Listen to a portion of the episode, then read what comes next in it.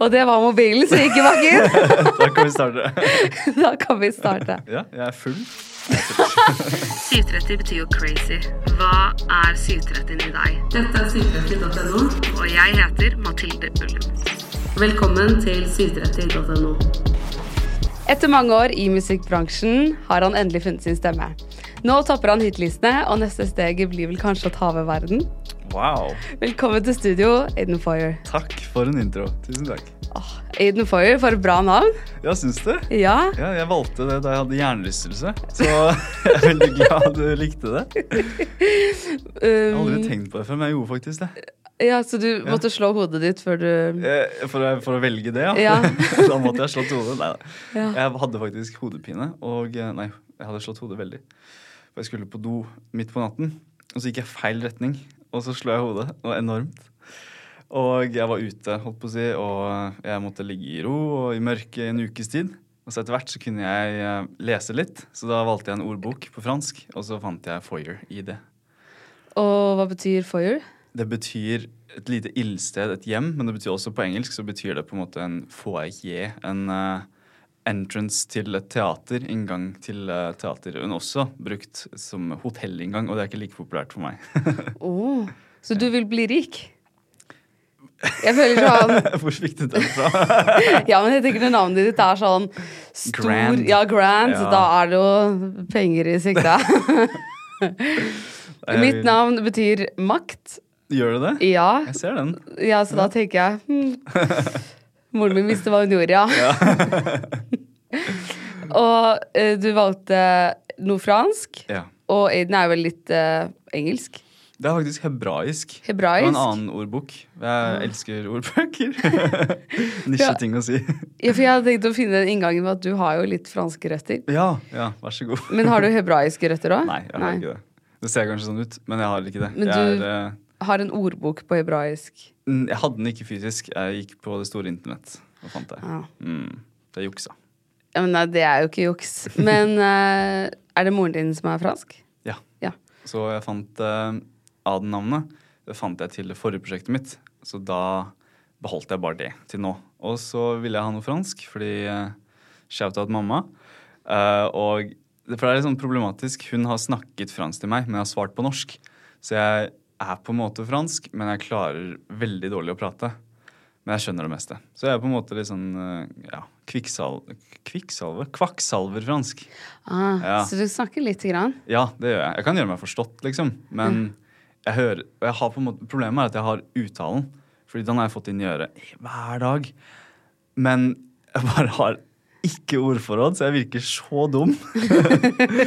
så ja, det er interessant. Kan du snakke litt fransk? Je peux parler un petit peu français avec moi. Har du lyst til å lage musikk på fransk? Ja, det har jeg veldig lyst til. Det er for eksempel i eh, den ene sangen min, The Ballet Girls, så er Adagio. Ja. Det er på en måte Eller nei, det er jo ikke fransk. Så flaut. Er ikke det italiensk, da? Å, det er flaut. Men er, jeg, jeg liker i hvert fall å bruke disse annerledes uh, utenlandske ordene. Ja. Men jeg har veldig lyst til å gjøre det, faktisk. Og jeg har eh, en sang som jeg jobber på nå, som har en en veldig stor del av den er fransk, selv i refrenget. Ah. Så, jeg- så har jeg veldig en, sånn drøm om å få en fransk artist til å være med på den sangen. da. Oi. Det hadde vært veldig gøy. Kan du synge den delen? Nei. Jeg bare Jeg, prøver. det verste er at jeg husker den ikke akkurat nå. Å ja, ok. Ja, så den er kanskje ikke så bra. Jeg burde skrive den om. Eller jeg, jeg burde jo huske den.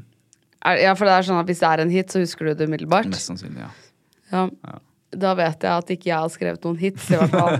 For det Men eh, du nevnte det andre prosjektet ditt, ja. Jonas Jonas Adden. Mm. Og da eh, Det var også musikk du lagde da, men da var ikke du vokalist. Stemmer. Da var jeg på en måte kun produsent og et senere DJ.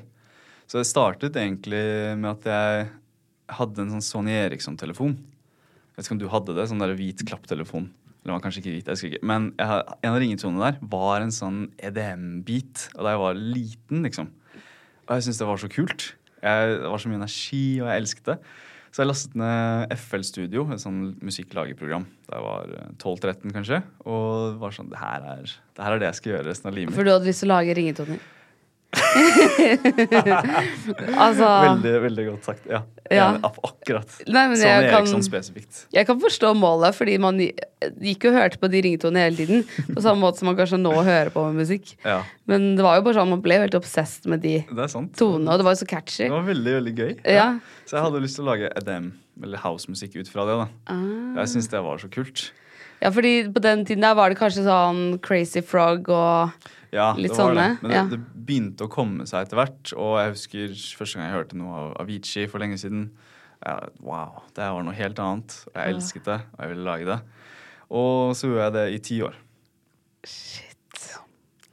Jeg har jo snakka litt med folk rundt deg, og jeg vet jo at du har ofret ganske mye for musikken. Nå er jeg veldig redd. Jeg tør ikke ta en slurk engang. Hva, hva skjer nå? Jeg vet jo at du droppa ut av videregående. Eller du tok eh, videregående som privatist. Ja, noen har å- sagt det, ja. Ja. Nei, jeg, jeg gjorde jo for så vidt det. Jeg tok eh, fag på forhånd, da. Så jeg hadde noen jeg tok, Da jeg var, var i første, så tok jeg fag fra andre og tredje, så jeg fikk flere dager fri i uken til å lage musikk. For å satse alt. Ja, Ja. Hva sa foreldrene dine da du ville gjøre det? Eh, De Det var en viss uh, nervøsitet, men jeg vil si at de var veldig veldig forståelsesfulle. De har alltid vært sånn så lenge du er happy, og så støtter vi alt du gjør. Og jeg kunne ikke ønsket meg bedre foreldre. Det er veldig flaks. Veldig flaks. Ja, veldig. Ja, Så jeg er veldig veldig glad for dem. Jeg skal til dem etterpå, faktisk. Åh, da må Så- du si at du har skrytt av de i Det skal jeg gjøre. De kommer til å høre på hele to ganger, så de hører det. Det er så koselig. Hei, mamma. Hei, pappa. Eller bonjour, mamma. Ja, Ja. Wow, du har utdannelse. Jeg har jeg, jeg. jeg mener det. Ja, det er ikke noe jeg bare sier heller. Så kult. Men eh, Så de syns det var helt greit at du eh, Ja, særlig fordi jeg klarte å um, På grunn av russemusikk, som er det beste i verden, så kunne jeg tjene penger. Og da var det sånn OK, det er faktisk noe her. Så jeg kunne på en måte livnære meg OK da jeg var ferdig på videregående, og da tenkte de OK. De må jo ha fått er- sjokk. Ja, de syntes jo det var dritrart. Det gjorde de. Hæ? Det der du har holdt på med inne på det rommet Ja. Du tjener mer enn oss snart. Det er bare sånn Ja, det er jo helt absurd. Vi er så heldige i Norge som har det. Virkelig, Jeg tror det har hjulpet så mye for musikkutvikling i Norge. Det høres veldig ironisk ut, men jeg, jeg mener det. Det har tillatt så mange å faktisk eh, jage musikken, musikken. ja. Ja, er herregud. Og altså, ser du på chartsene, så er det jo bare russemusikk omtrent. Det er jo det. Folk liker det Ja. definitivt. Så det blir her. Og det er jo jeg tror det er en god ting for unge, Ja. unge folk. Ja, ja, det har kommet for å bli, i hvert fall. Du ser jo i Sverige så klikker de jo helt på Frøken Snusk og sånn, som har uh, kommet. Herregud, en dame som synger om å ha sex, liksom. That's insane. Veldig. Mens vi har jo hatt det i mange år, så vi bare hmm, What's new? Men eh, hvordan fant du ut at du ville skifte fra Jonas Aden til Aiden Foyer? Det var jo en lang prosess. Selling a little or a lot? Shopify helps you do your thing however you cha-ching. Shopify is the global commerce platform that helps you sell at every stage of your business. From the launch your online shop stage to the first real life store stage, all the way to the did we just hit a million orders stage. Shopify is there to help you grow. Shopify helps you turn browsers into buyers with the internet's best converting checkout. 36% better on average compared to other leading commerce platforms because businesses that grow grow with Shopify. Get a $1 per month trial period at shopify.com/work. shopify.com/work. There's never been a faster or easier way to start your weight loss journey than with PlushCare. PlushCare accepts most insurance plans and gives you online access to board-certified physicians who can prescribe FDA-approved weight loss medications like Wigovi and Zepbound for those who qualify. Take charge of your health and speak with a board-certified physician about a weight loss plan that's right for you. Get started today at plushcare.com slash weight loss. That's plushcare.com slash weight loss. plushcare.com slash weight loss. Cool fact a crocodile can't stick out its tongue. Also, you can get health insurance for a month or just under a year in some states. United Healthcare short term insurance plans, underwritten by Golden Rule Insurance Company, offer flexible, budget friendly coverage for you. Learn more at uh1.com. Eh, det er på en måte sjukt å si, men uh, litt metafor jeg kommer på, er Eller jeg vet ikke om det er sant, men at man kan koke en frosk levende. For den merker det ikke om du gjør det sakte nok. Så merker den ikke at det endrer seg nok, så den bare dør til slutt. Jeg vet ikke om det stemmer. Det er sykt syk myte i så fall. Uh, men Jeg har også hørt det. ja, jeg, jeg følte meg litt sånn at For jeg har alltid vært veldig, veldig Jeg skal jobbe hele tiden og klare ting og jobbe, jobbe, jobbe. Veldig nerd på det. Um, så jeg gjorde det veldig lenge og hadde skylapper på. Så jeg hadde liksom bare neste måned i hodet, neste måned i hodet. Og jeg, jeg skulle ha én sang ut i måneden. Jeg gjorde én YouTube-video hver uke. Gjorde sosial, sosiale medier-post hver eneste dag jobbet konstant, så veldig veldig lite. Når man har de skylappene på, så klarer man ikke å se overblikket av det man gjør. Så jeg på en måte fikk aldri tatt det steget tilbake og vært sånn Er det her virkelig det jeg vil gjøre? Så og Det var egentlig da covid kom, at uh, jeg fikk jeg, skulle liksom Jeg skulle til Kina den uken covid kom. Og jeg skulle ha en Kina-turné. Det, er- det, er- det helt sinnssykt. Jeg tror ikke på tegn og sånn, men det er det nærmeste jeg har kommet, tror jeg. Det var, jeg skulle faktisk til en by som var rett ved Wuhan. Sånn en time unna, kanskje. Og det er i Kina. Så det Og var hele verden var der. det skal Ja. du ikke. Det skal jeg ikke. Og jeg ble hjemme, og det ble veldig stille veldig fort. Og da fikk man jo veldig tid når man ikke skulle reise rundt og gjøre ting, og man fikk gradvis den prosessen av å tenke på alt annet. Den bare falmet, og du tenkte bare på deg selv etter hvert. Så egoistisk det er at uh, man virkelig Jeg tror det er veldig mange som kjente seg igjen at de fikk reflektert mye på det de drev med.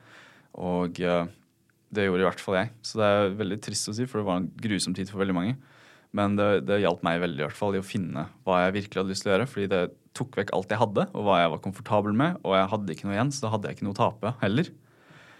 Så jeg gikk tilbake Første steget var egentlig å gå tilbake til barndommen min og se hva var det jeg virkelig som fikk meg i fyr og flammer da jeg var liten. Og det var å lese og skrive historier.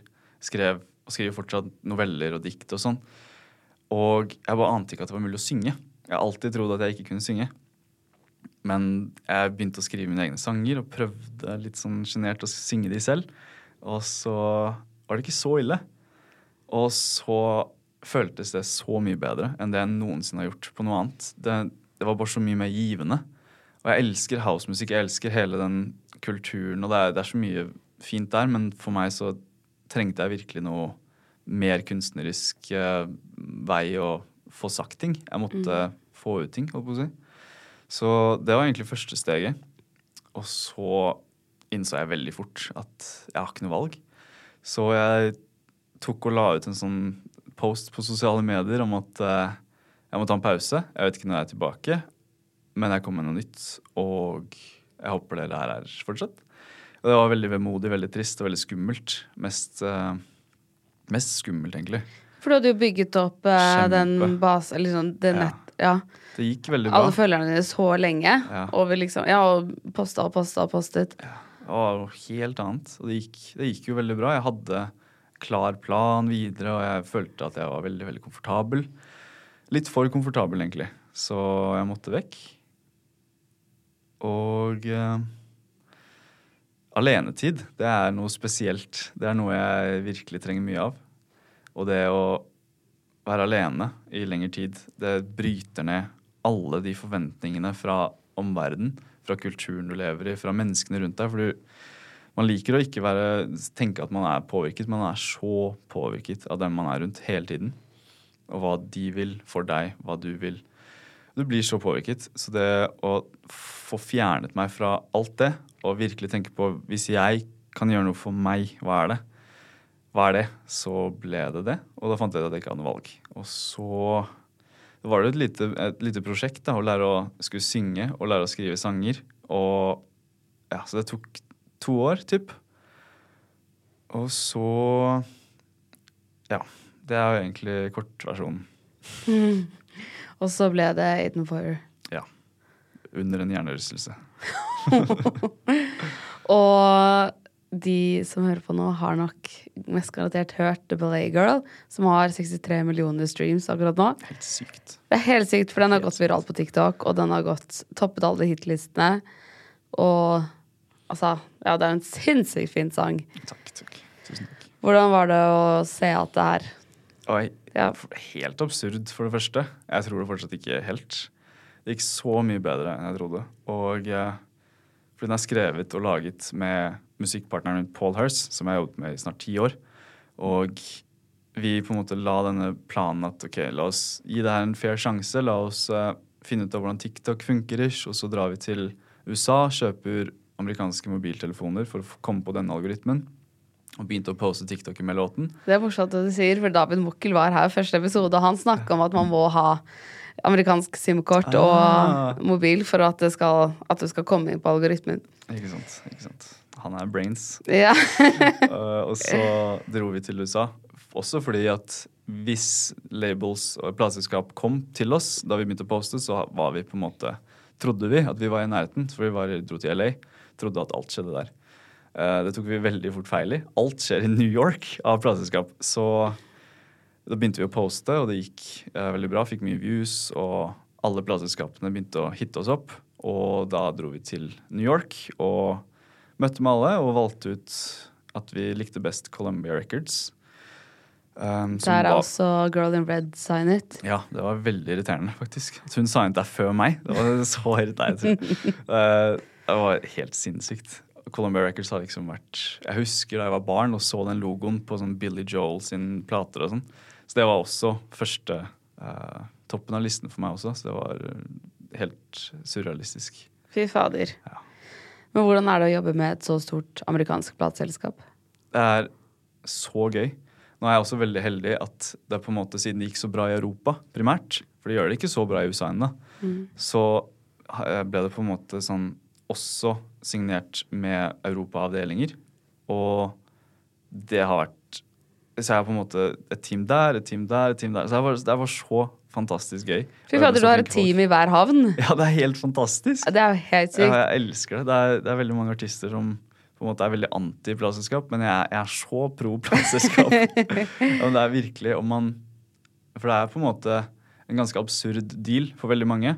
Men dealene begynner å bli bedre nå når det blir demokratisert, musikkbransjen. Det er sikkert kjempekjedelig å høre om, men eh, Det er nok mange som hører på, som har lyst til å gjøre det samme som du har gjort òg. ja, jeg syns plateselskap har veldig mye for seg når, i riktige settinger. Så vi visste veldig godt hva vi trengte, og da var plateselskap veldig høyt oppe på den lista. Ja. Og, ja. For referanse, hvorfor skal man ikke være for plateselskap? Det er veldig mange som mener at plateselskap tar veldig mye av pengene. Altfor mye av pengene. Og stjeler musikken din for alltid.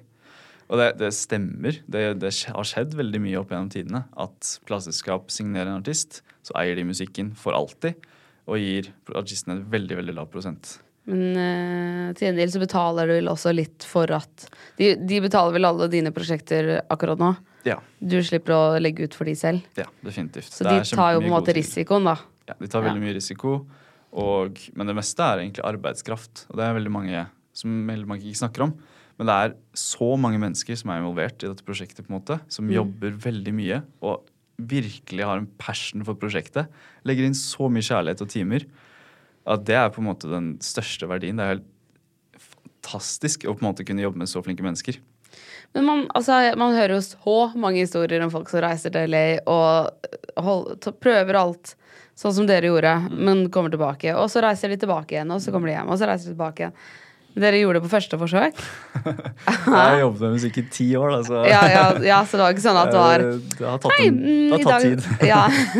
Definitivt tatt tid. Ja, så du har jo selvfølgelig det er, det er bra at du minner oss på det, fordi du har jo da prøvd å feile, prøvd å feile, prøvd å feile gjennom ti år, og så funnet ut at du vil gå solo, så det er jo ikke bare det at Nei, det, Det er, første forsøk, det har men- tatt så lang tid. Og det er, det er mest, uh, mest det å For meg var det i hvert fall veldig det å forstå at musikk blir aldri bedre enn når du lager det for deg selv.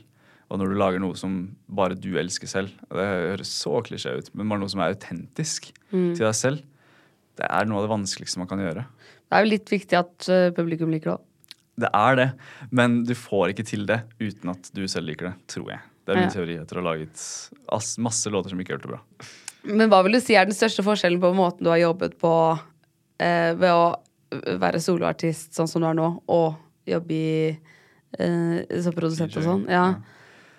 Mm. Jeg skjønner jo at det mest åpenbare er jo at da synger du og sånt. Ja. Jeg mener, hva er liksom det mest åpenbare Nå produserer jeg nesten ingenting, for eksempel. Det er Paul som Det er nydelig. Altså, for det første er han et musikalsk geni, så det er herlig å jobbe med han uansett. Men det er også det at vi komplementerer hverandre veldig godt. For han er dritgod og elsker å produsere. Mens nå, etter at jeg har gjort det i ti år, så hater jeg å produsere. Og det er så absurd å ha brukt så mye tid. Jeg tror jeg har brukt 20 000 timer sant, på å produsere, men nå vil jeg ikke røre det.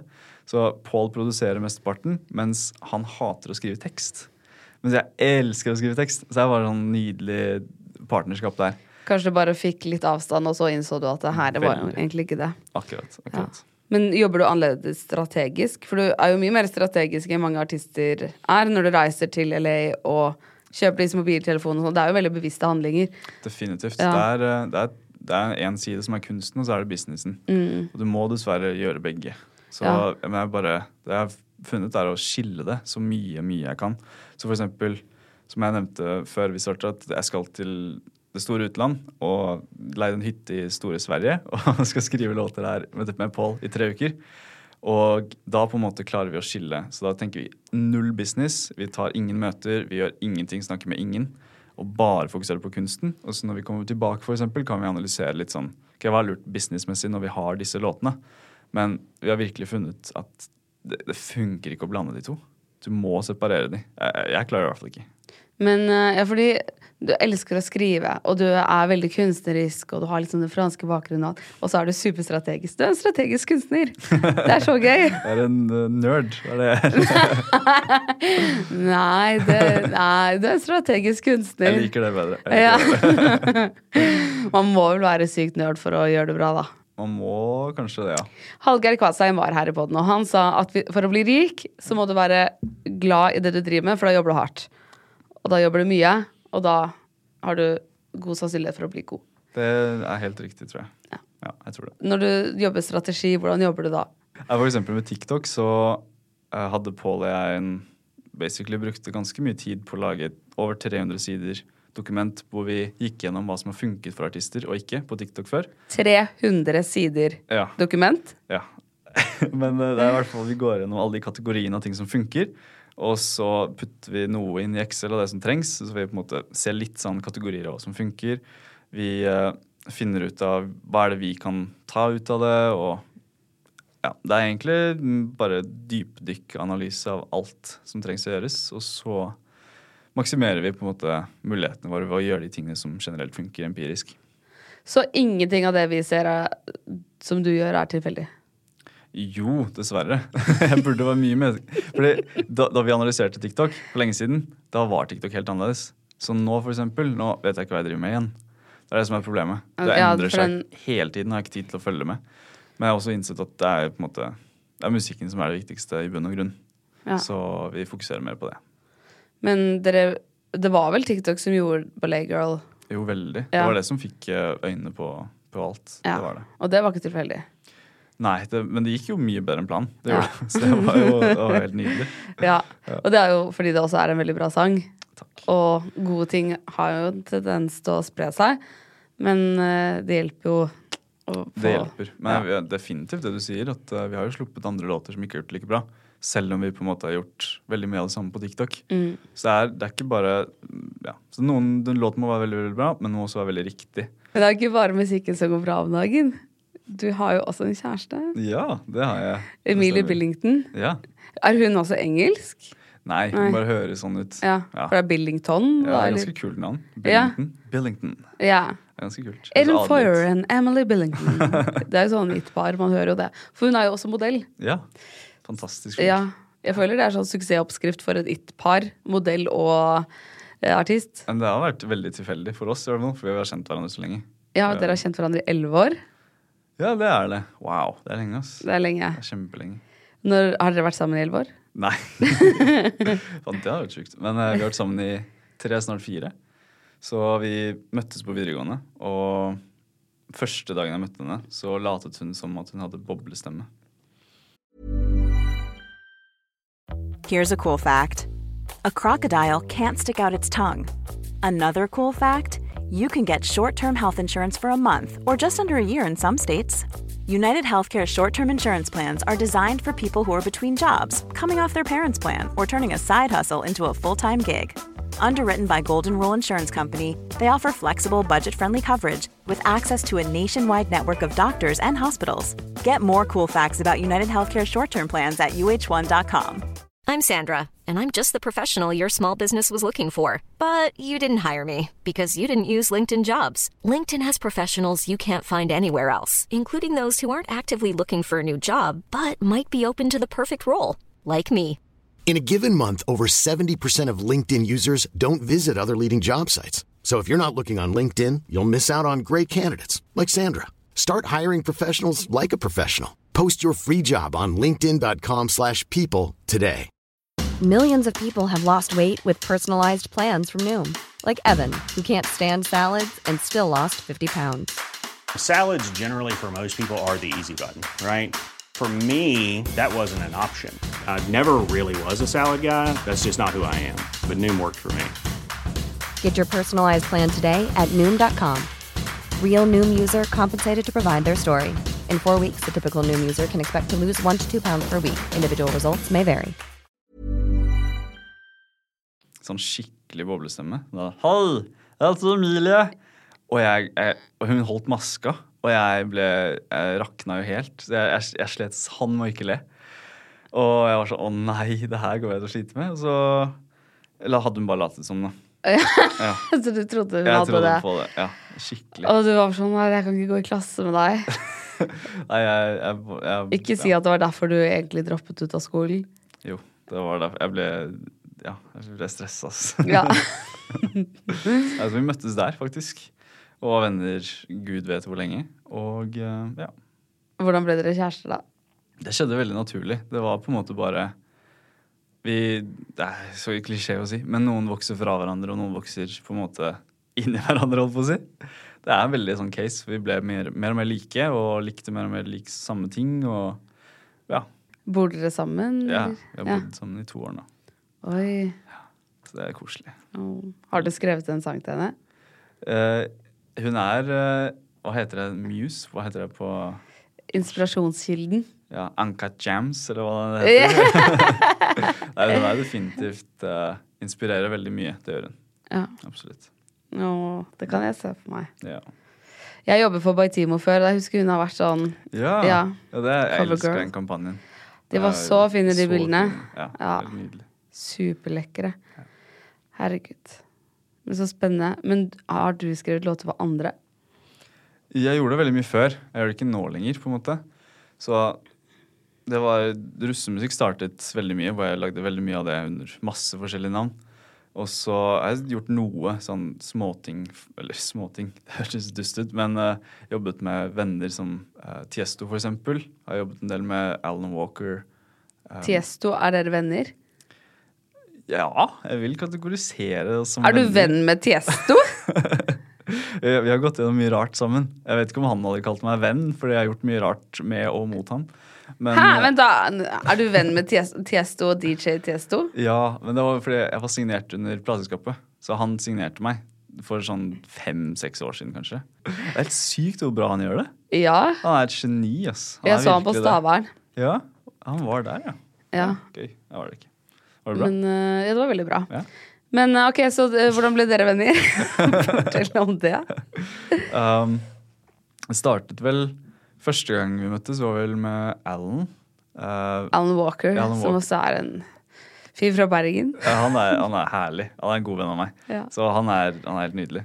Og vi var sammen på et show Alan skulle spille i Tromsø eller noe. Så, vi, så spiste vi middag med Tiesto og nå kona hans, da. Jeg tror de er gift. Jeg tipper de er gift. Men i hvert Er dere fall- så close? ja, det, var, det var bare fordi vi var med Alan at vi Ja. var med på den middagen. Altså. Det var første gang vi møtte han. Oh, ja. Var Hvordan koselig. var det da? Var det sånn oh my god? Uh, nei, for han er så hyggelig. Han er, oh, han er sånn det, Han er solstråle, liksom. Så du, du, du bare føler deg komfortabel med en gang. Og så senere, etter det, så sendte jeg han musikk, og så signerte han prosjektet til plateselskapet sitt. Og så eh, var jeg med han på noen turneer og var med på sånn låtskrivercamp med han. Um, I studioer med han, og det Så vi ble liksom kjent gjennom alt det der. Er det sånn nå, hvis du har bursdag, at du hadde invitert han?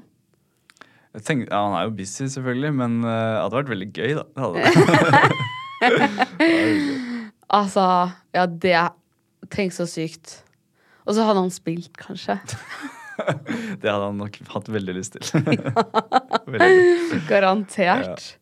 Er det sånn hvis du blir invitert i bryllup også, da folk forventer at du skal synge?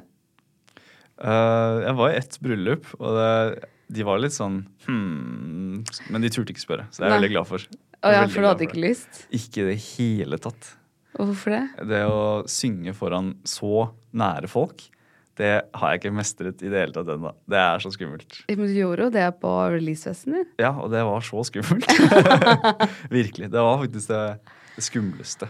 Ja, og så ender man opp med å gå rundt og grue seg i hele bryllupet, og så Ja. Nei, det er Ja. ikke noen positiv opplevelse. Men Har du skrevet noen sanger vi har hørt som ikke vi vet at du har skrevet? Kanskje, kanskje, men det forblir en hemmelighet til den dagen jeg dør. Nei! Jo, det gjør det. Du får ikke det ut av meg, Mathilde. Hvis jeg gjetter riktig da. Absolutt ikke. Nei. Nei, nei, jeg har ikke ansiktsuttrykk. Jeg, jeg hadde ikke klart å holde meg. Så det kan du ikke gjøre. Ok, jeg skal ikke gjøre det. Men uh, hvem handler Ballet Girl om, da? Det startet Uff. Det startet med Har du, har du lest eh, 'Piken med svovelstikkene'? Ja. Ja. Av H.C. Andersen? Ja. Så jeg satt og leste det en lørdagskveld, as you do. og så var jeg sånn wow, for en historie. Og fikk lyst til å skrive en litt sånn lignende historie. Begynte å skrive den novellen som heter The Ballet Girl. Og satte meg litt ned på pianoen. Jeg hadde mye av den historien. Og så begynte den teksten å manifestere seg til musikk. For det er ikke alltid Noen ganger så går det den veien, noen ganger går det andre veien. Så den startet egentlig med H.C. Andersen en lørdagskveld. Og ja, Så jeg ville egentlig bare skrive min egen liten sånn heroinnehistorie. eh, og gjøre det om til en sang. Oi, det var en veldig fin historie. Og det er en sykt fin sang. Tusen takk. Herregud. Og nå har du ferdigstilt EP-en. Ja. Den siste låten var Galileo Galilei. Det stemmer. det stemmer. Og den handler om Galileo Galilei, kanskje? ja, den knappen vil du ikke trykke på, Mathilde. Hvorfor ikke det? Uff, Galileo Galilei, det er uh, helten min. Er det sant? Elsker, Og så ler jeg. Jeg elsker Galileo. Jeg har bare hørt veldig mange ha helter i dag. Jeg har hørt så mange. ja. Noen har Pippi, og noen har det. Og så kom Galileo Galilei. Ja, det er litt sånn, nisje. Det er det. Ja, hvorfor har ikke jeg en helt? Men ja. men han fortjener litt mer uh, cred og shoutouts. Det er lenge siden han har fått litt sånn love, syns jeg. Men øh, nå får han masse lov av deg. Hvordan fant du ut at det var helten din? Uh, jeg, har veldig, jeg var veldig fan av astronomi og univers og alt sånt siden jeg var barn. Og jeg syns alltid det var så kult hva han fikk til på den tiden sin. Og han var jo Han endret verden på så mange måter. Og han gikk gjennom så mye motgang i livet sitt, men han sto på sitt. Og her høres så kjedelig ut, men han var bare så rå menneske. Og har endret verden. Og, eh, så jeg ville skrive, og så hadde han fenget navn. da. Det var veldig sånn, eh, det rullet lett over tungen å si navnet. Ja. Er det sånn når du ser noe du finner interessant, at du bare dykker inn i det og blir der? på en måte? Ja, jeg har jo tendens til det. Jeg har jo det. Jeg skal innrømme det. Hvis du har en god gøy. bok, hvor lenge leser du den? Ja, det, til den er ferdig, egentlig. Ja. Ja. Jeg syns det er veldig gøy. Altså Tenk om du aldri hadde fått en sånn Eriksson-telefon med EDM-musikk. Så hadde du kanskje sitt, altså ikke droppet ut av skolen, og du hadde blitt historiker. Og vi hadde aldri hatt Ballet Girl. Nei, men dere hadde hatt mye bra historie. ja. Det kan godt hende. Men du skriver noveller også? Ja, det syns jeg er kjempegøy. Jeg har ikke nok tid til det, bare. Det er veldig frustrerende. Så jeg, nå har jeg så vidt tid til å skrive musikk. Så, men noveller det elsker jeg å lage. Og dikt og alt sånt. Så jeg har veldig lyst til å skrive bøker og gi dem ut. og alt sånt. Så Det, det kommer, det, en eller annen dag. ah, så spennende. Mm, så gøy. ikke så er multikunstner. Uh, jeg, jeg prøver mye forskjellig, og det er veldig Det meste suger jeg i. Men det er bare noen ting jeg føler at jeg kan etter hvert. Så, men jeg liker å prøve alt. Definitivt. Ja, Så det skjønner jeg. Er du klar for en spørsmålsrunde? Kjør på. Ladies and gentlemen, Instagram spørsmålsrunde. Instagram spørsmålsrunde. Spør om hva du vil. Spør om hva du vil. Hva er ditt forhold til kaffe? Har du snakket med Emilie, eller? ja. Ja, det er et komplisert forhold med kaffe. Ja. Vi har vært venner, vi har vært uvenner. Vi har vært alt in, It's complicated, som man sier. ja, for nå tenker kanskje mange at å, du liker ikke kaffe. Ja, Men det gjør du. ja jeg hadde et problem, jeg. Det er, eh, det er det meste dramaet du får av meg. Men det var da jeg hadde drakk 24 kopper kaffe dagen. Og det var ikke tull. Det var seriøst 24 kopper om dagen. Det er veldig, veldig, veldig mye. Veldig mye. Det er veldig, veldig dumt. Aldri gjør det. Men fikk du magesår, eller hva skjedde? Eh, sikkert. Jeg har sikkert noen rester etter det. Men det var, mest var hvilepulsen min. Den gikk opp. Jeg tror jeg hadde sånn hvilepuls på sånn 90 eller noe. Det var sånn, Jeg måtte til lege. Og, sånn. og jeg sov så lite i tillegg. Så jeg var en idiot. Og ja, det er mitt forhold med kaffe. Men kan du drikke det nå? Jeg drikker det nå, Ja. eh, men det er maks fire kopper. ja. Ja. Så det er maks en kanne, liksom. Ja. Ja. Store kopper. ja. Wow. Det, det er det sykeste jeg har hørt på veldig lenge. Ja, veldig trist. 24 kopper maks. Det er veldig trist at det var det Emilie kom frem til. At det her er en morsom historie. Så kjedelig er jeg. Nei da. det kommer mer. Å nei. Eh, hvem ser du opp til? Galileo Galileo. Det er kanskje det, ja. Nei, men jeg, liker, jeg er veldig veldig fan av folk som har uh, bare stått på sitt og gjort noe unikt for seg selv og menneskeheten, egentlig. Mm. Det syns jeg er ekstremt inspirerende. Ja, du har virkelig stått på ditt hvis du ofrer livet ditt om å havne i fengsel og, fordi kirken ikke tåler sannheten, liksom. Definitivt. Ja. Ja. Um, har du noen tips til unge up and coming artister? Åh, veldig mange. Veldig, veldig, veldig mange. Jeg har faktisk en del videoer på det fra gammelt av på YouTuben min. Så hvis noen er interessert, så er det kanskje noe der.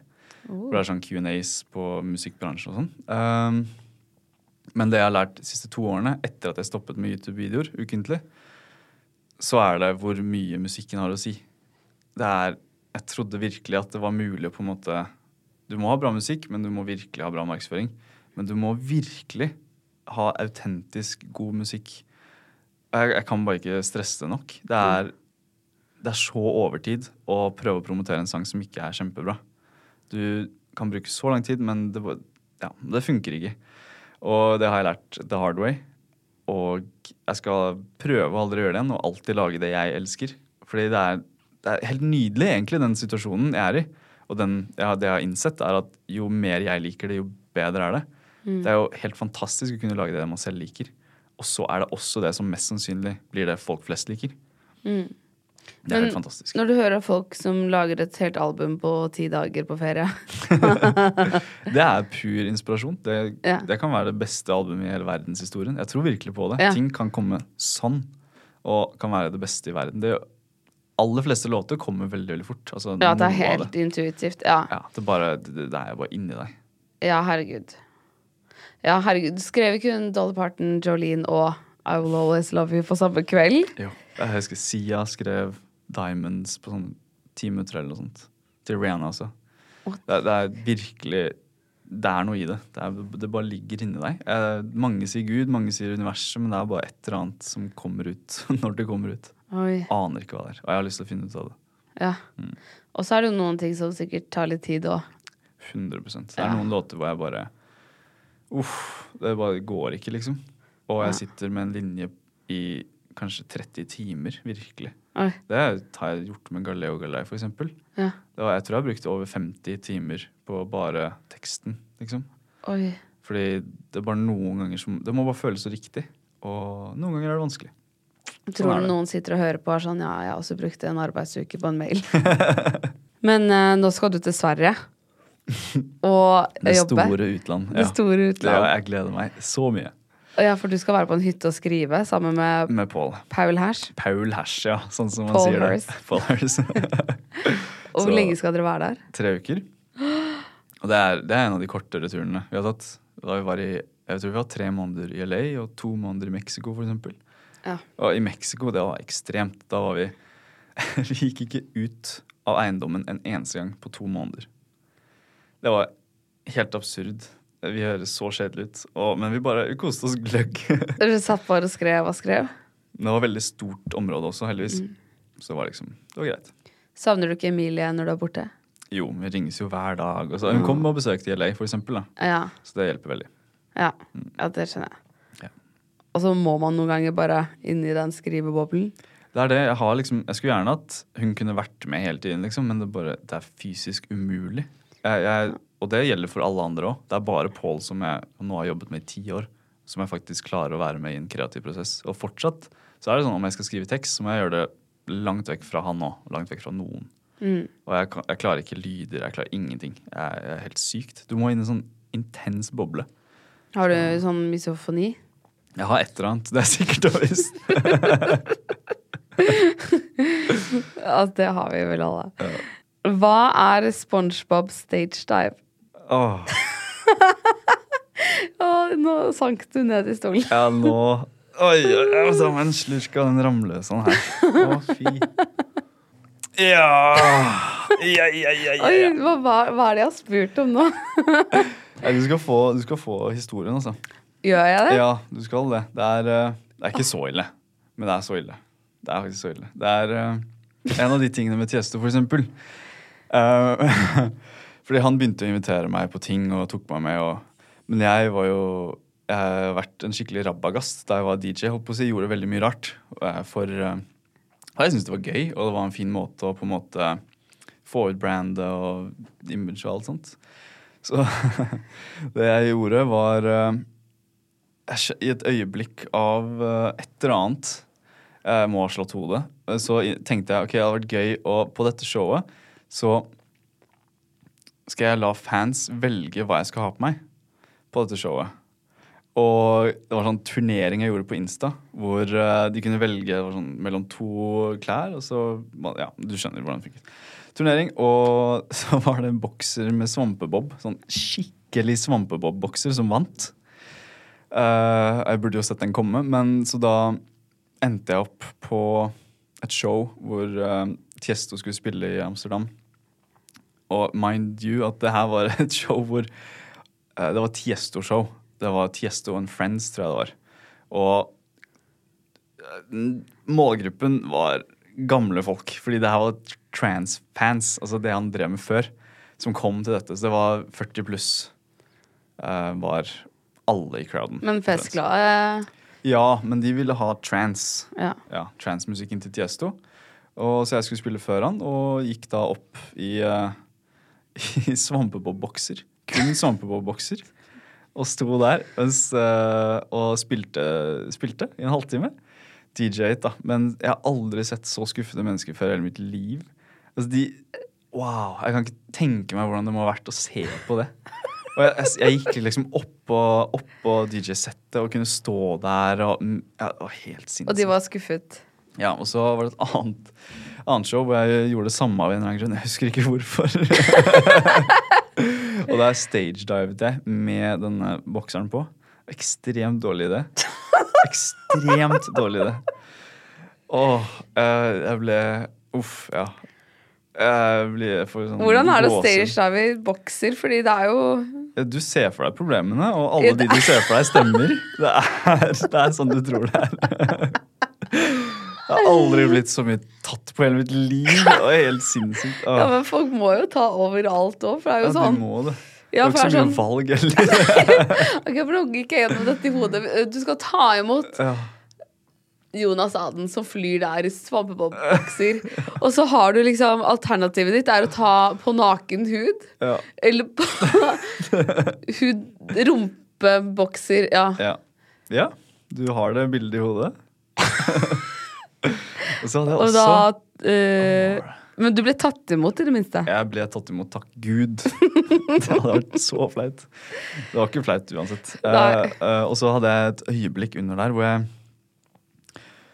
jeg, jeg sliter liksom med å huske det, for jeg husker ikke, jeg skjønner ikke hvordan jeg har tenkt det jeg har tenkt.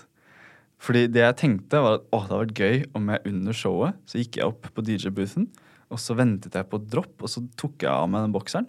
Og så var det en ny svampebokser under. Det var, det var en god idé. Så jeg gjorde det, da. Så folk ble sånn Og så ble det sånn Åh! Takk Gud! Nei, det var helt Det er så han i Britain's Got Talent. Ja, akkurat, faktisk. Men, så det, var, det, det er der jeg kommer fra nå. Og så er liksom den siste joken Nei da. Men uh, ja. Oh. Så det var eh, Det kom fra Emilie, kan jeg tenke meg. Ja. det gjorde det. Det er en historie jeg aldri trodde jeg kom til å meddele med noen. Åh, Nei, men det uh, er jeg veldig glad du delte her. Huff a meg. Uh, jeg har flere spørsmål. Hva ser du etter i en jente? Hva jeg ser Du etter begynner kanskje på E og slutter på Emilie Det gjør det. Det gjør det, Om de heter Emilie Billington. ja, det er ikke hun som har spurt om det. Ja. Um, og det her er jeg veldig nysgjerrig på. Hvem er den mest kjente som har vært i DM-en din? Og da selvfølgelig trenger jeg ikke å være flørtete, men så, hvem har du Ja. chattet med?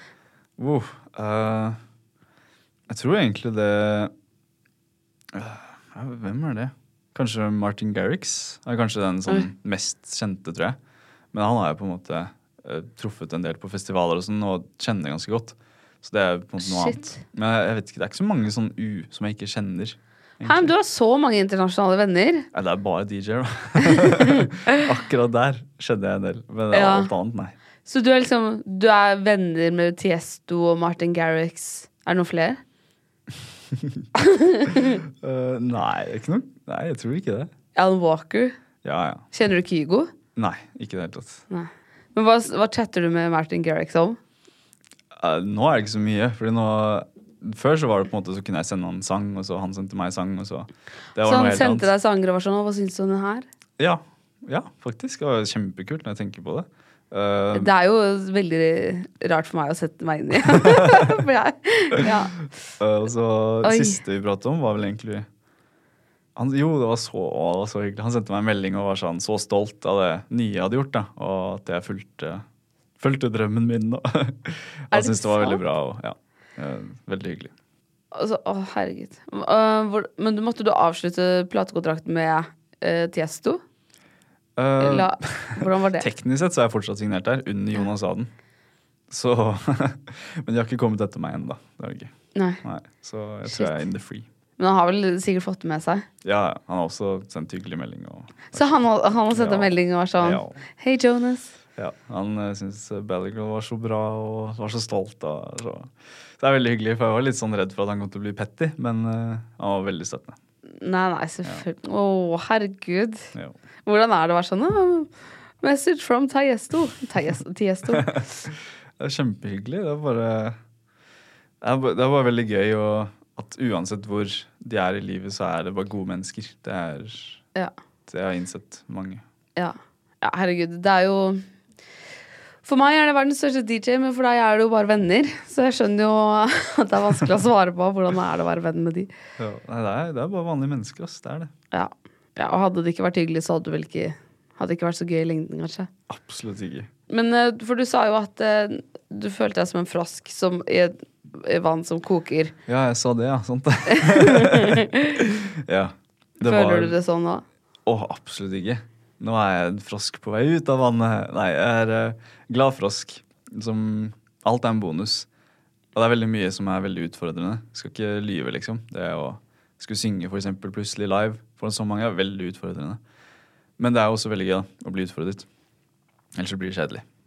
Ja, herregud. Så jeg, jeg bare koser meg skikkelig. Jeg gjør det. Kanskje det du har savnet litt òg, da. Ja. At uh... Jeg ble for komfortabel, kanskje. mm, Jeg har reflektert mye på det, men det er, eh, det er nok mange grunner. Ja. Det er, nok det. Hei litt på at man skal kaste seg ut i ting man ikke har gjort før. Og det er så viktig. Ja. Det er så viktig. Og så er det skummelt, og alle har, prøver en ting for første gang, de òg. Ja. det er det er det. Og, å innse at Ja, det er faktisk Det kom ut en ny science paper nylig at, eh, som endelig bekreftet ganske tydelig at mennesker får jeg tror det var 70-80% av gleden ved å gjennomføre et mål. Det kommer på veien. Og det er liksom, man, man vet at det er på en måte det er, det er the journey som er der man, det man burde klare å eh, nyte, og det er det man kommer til å nyte. Det er ikke resultatet, men det var veldig kult at man ofte fikk det. delmålene, liksom. Ja, det, det er på en måte prosessen av å bygge noe, bli bedre i noe, og det er der gleden i mennesket kommer fra. Det er litt sånn kult at det faktisk stemmer så mye, da. Jeg det er syns det er veldig fint. Så kanskje alt som hører på nå, skal prøve å finne ut hva de skal gjøre. Hva som skal være sitt ting. prosjekt. Ja, Bare en liten ting. Det, det virkelig det, Det- finne sin ting som man har lyst til å holde på med. Ja. Jeg tror det er veldig, veldig viktig for glede. Ja. tror det. Ja, det tror jeg også. Mm. Det var godt sagt. Det er hyggelig å høre at du er en frosk langt utenfor land, og langt utenfor vann, og at du Jeg ser jo at du har det veldig bra nå, Ja, og du gjør det jo veldig bra. Det er veldig gøy å følge med på. Tusen takk. Og det er utrolig kult at vi har en stor artist som gjør det så bra internasjonalt. Nei, nå må du stoppe. Og du har lyst til å være her med meg! Det er jo så stort. Det var veldig hyggelig. Herregud. Kjempehyggelig. Ja. Tusen takk for at du ville komme, Aiden Foyer. For at jeg fikk komme. Ha det bra. Ha det godt.